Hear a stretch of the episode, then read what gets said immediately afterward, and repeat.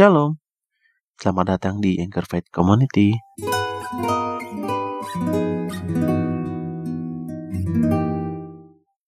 Hai teman-teman, selamat pagi. Apa kabarnya hari ini? Semoga semua sehat-sehat ya. Teman-teman, pagi hari ini kita akan bersaat teduh dengan tema yang sangat menarik nih teman-teman. Tema kita hari ini adalah selumbar dan balok. Teman-teman, aku ajak untuk membuka Lukas 6 ayat 37 sampai 42. Janganlah kamu menghakimi, maka kamu pun tidak akan dihakimi. Dan janganlah kamu menghukum, maka kamu pun tidak akan dihukum. Ampunilah, dan kamu akan diampuni. Berilah, maka kamu akan diberi. Suatu takaran yang baik, yang dipadatkan, yang digonjangkan, dan yang tumpah keluar akan dicurahkan ke dalam ribaanmu. Sebab ukuran yang kamu pakai untuk mengukur akan diukur kepadamu. Yesus mengatakan pula suatu perumpamaan kepada mereka. Dapatkah orang buta menuntun orang buta? Bukankah keduanya akan jatuh ke dalam lubang? Seorang murid tidak lebih daripada gurunya, tetapi barang siapa yang telah tamat pelajarannya akan sama dengan gurunya. Mengapakah engkau melihat selumbar di dalam mata saudaramu, sedangkan balok di dalam matamu sendiri tidak engkau ketahui?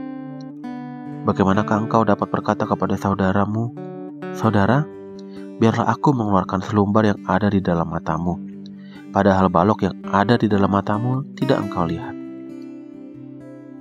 Hai orang munafik, keluarkanlah dahulu balok dari matamu, maka engkau akan melihat dengan jelas untuk mengeluarkan selumbar itu dari mata saudara.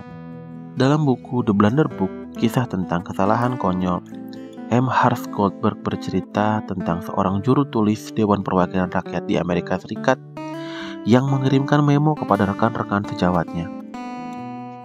Dalam memo, ia meminta mereka untuk lebih teliti dalam melakukan komunikasi secara tertulis. Namun setelah dibagikan, ternyata dalam memo tersebut tulisannya sendiri ditemukan 9 kesalahan tata bahasa, tanda baca, dan ejaan. Saat memo-memo itu sampai di tangan pers, Juru tulis yang menjadi malu itu berkata bahwa mestinya ia tidak membuat kesalahan konyol seperti itu. Perasaan malu serupa juga menimpa orang Kristiani yang menuntut orang lain untuk mempunyai standar yang tinggi yang dimiliki oleh Kristus tanpa melihat dulu keadaan dirinya. Bila kita bersikap congkak dan merasa diri paling benar, maka kata-kata kita akan berbalik menyerang kita sendiri. Meski perkataan itu mungkin benar, kita perlu mengatakannya dengan rendah hati dan dengan menyadari bahwa apa yang dikatakannya itu terkadang juga merupakan kelemahan kita sendiri. Kita perlu mendorong orang-orang lain untuk melakukan hal yang benar. Orang Kristiani patut saling mendorong sesamanya untuk memiliki sikap dan perbuatan yang penuh kasih.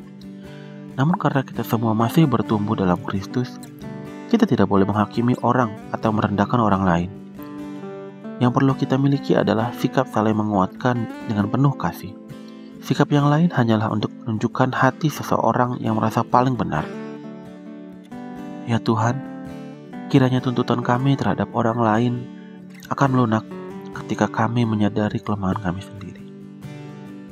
Ya teman-teman, pada pagi hari ini sangat luar biasa sekali di firman Tuhan kita. Kita diingatkan teman-teman sebagai seorang Kristiani, kita memiliki tugas untuk saling mengingatkan seorang dengan yang lain kita harus bisa menegur setiap orang apabila orang tersebut melakukan kesalahan. Namun teman-teman harus tahu, Tuhan berkehendak untuk kita menegur seorang dengan yang lain dengan rendah hati teman-teman. Dengan penuh kasih, bukan dengan menghakimi. Karena apa? Kita sebagai orang Kristiani yang masih belajar, kita masih bersama-sama mempelajari bagaimana kita bisa melakukan kehendak Kristus, bagaimana kita bisa menjadi serupa dengan Kristus. Oleh karena itu, teman-teman, Tuhan mengharapkan kita untuk memiliki kasih. Tuhan mengharapkan kita untuk memiliki rendah hati dalam diri kita. Untuk kita saling menegur seorang dengan yang lain. Untuk kita saling mengingatkan seorang dengan yang lain. Karena tidak ada yang sempurna di mata Tuhan. Oleh karena itu teman-teman, marilah kita berhenti menghakimi orang lain atas apa yang orang lain lakukan. Tapi marilah kita menguatkan mereka, kita bersama-sama dengan mereka untuk bertumbuh di dalam Kristus untuk menjadi semakin serupa dengan Kristus. Kiranya firman Tuhan ini boleh menguatkan kita teman-teman dan boleh menjadi pembimbing dalam kita untuk menjalani hari-hari ke depan kita. Tuhan Yesus memberkati. Amin.